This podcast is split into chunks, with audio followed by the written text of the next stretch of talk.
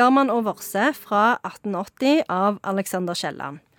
Familiene Garman og Vorse styrer et forretningsimperium. Folk gifter seg, og folk dør. Det var alt. Det er vel mer enn som så. Jo, jo, men det er så mye. Det er liksom eh, Folk blir lurt inn i ekteskap, prestene er onde, folk er fattige, folk er rike, folk vil bli fyrvaktere. Det er en type sånn viktoriansk roman hvor det skjer veldig mye, og liksom alt er veldig mye handling.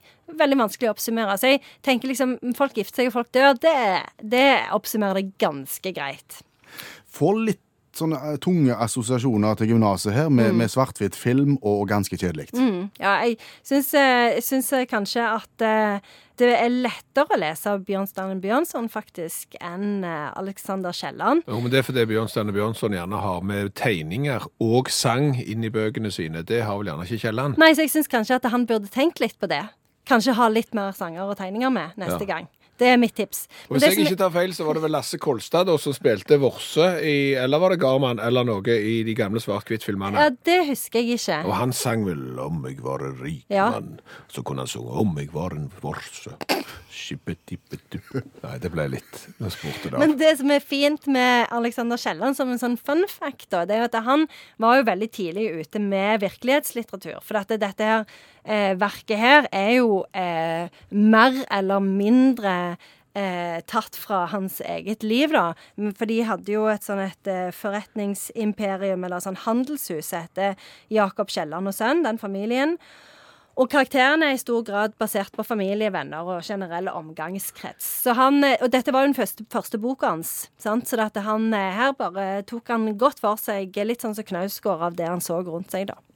Her går det ei direkte linje fra Knausgård til Kielland, eller omvendt. Men tar jeg feil? Eh, der er flere historier om Skipper Worse. Ja, det stemmer. stemmer. For Skipper Worse er jo den neste boka.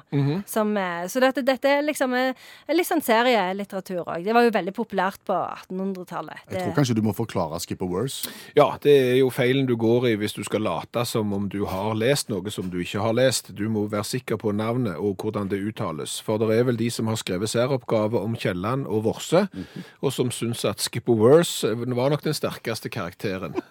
og da har du avslørt at du ikke har lest det.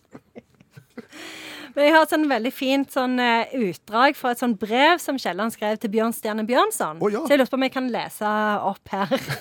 Plutselig midt, midt i nei, presentasjonen. nei, nei, det står liksom på omslaget til boka, da, men jeg syns det var veldig gøy. Kjære Bjørnstjerne. Ja, kjære Bjørnstjerne, hvordan går det?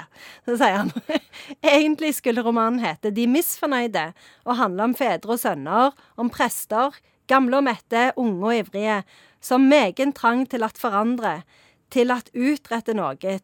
Men romanen ble altfor humoristisk. Jeg får ikke den rette ondskap frem. Disse menneskene er så satans kistefornøyde at det er til å gråte over. Satans kistefornøyde hadde ikke Bjørn Stjerne Bjørnson skrevet. Nei, han hadde ikke det. Han hadde ikke det. Så det, det er ma- Unnskyld han på en måte at han ikke fikk til boka sånn som han hadde tenkt? Ja, fordi at han, eh, han eh, mente at ved første gjennomskriving så ble han for løyen, rett og slett. Ah. Og der kjenner jeg blir litt sånn sur. Sånn, å ja, for det er liksom Å ja, nei, det er så galt å skrive morsomt, liksom. Så eh, jeg blir litt irritert på det. Men det er jo, det er jo mye ondskap, særlig blant pressene. Men det er jo liksom han Kielland er jo en samfunnsrefser, liksom. Det er jo eh, spark både hit og dit mot embetsverket og presteskapet og liksom eh, samfunnet for øvrig. Liksom Kvinnesak var han jo veldig opptatt av. Det går ikke så veldig bra med alle kvinnene i boka. Så dette, han, han, eh, han, han ville liksom portrettere ondskapen i samfunnet. Det var det han var ute etter å si noe om. Har du et sitat Ja, jeg har det. fra Garman og Vorse? Jeg har det. Det er jo det som er veldig eh, kjent, da. Det er jo åpningen. Vi kommer sent her, Kunsund, men vi kommer godt. Nei. Er ikke det den? Nei, det er noe Men det skal jeg ønske det var. Det var mye gøyere, Det det. tror jeg da er åpningen i Skipper Worse. Ja, for det her er det noe om havet. OK. Kan jeg lese det, eller? Ja. Intet er så rommelig som havet, intet så tålmodig. På sin brede rygg bærer det lik en godslig elefant de små puslinger der bebor jorden, og i sitt kjølige dyp eier det plass for all verdens jammer. Det er mange som har sagt 'intet er så rommelig som havet' i en og annen sammenheng. Mm. Så dette, er- akkurat det er jo ganske sånn nyttig quote å kunne slenge ut. Hvis du skal ha tale, eksempel sånn eh, herrenes eller damenes tale på julebordet, Begynn med havet. Det er golden.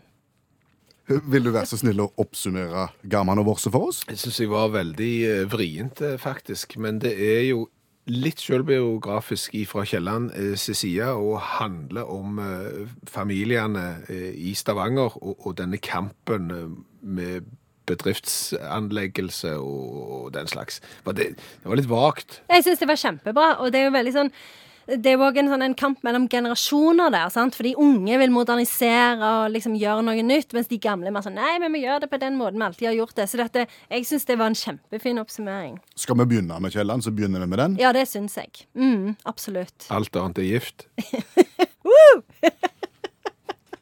Og da sier vi tusen takk igjen til Janne Stigen Drangsholt, som er forfatter og litteraturviter.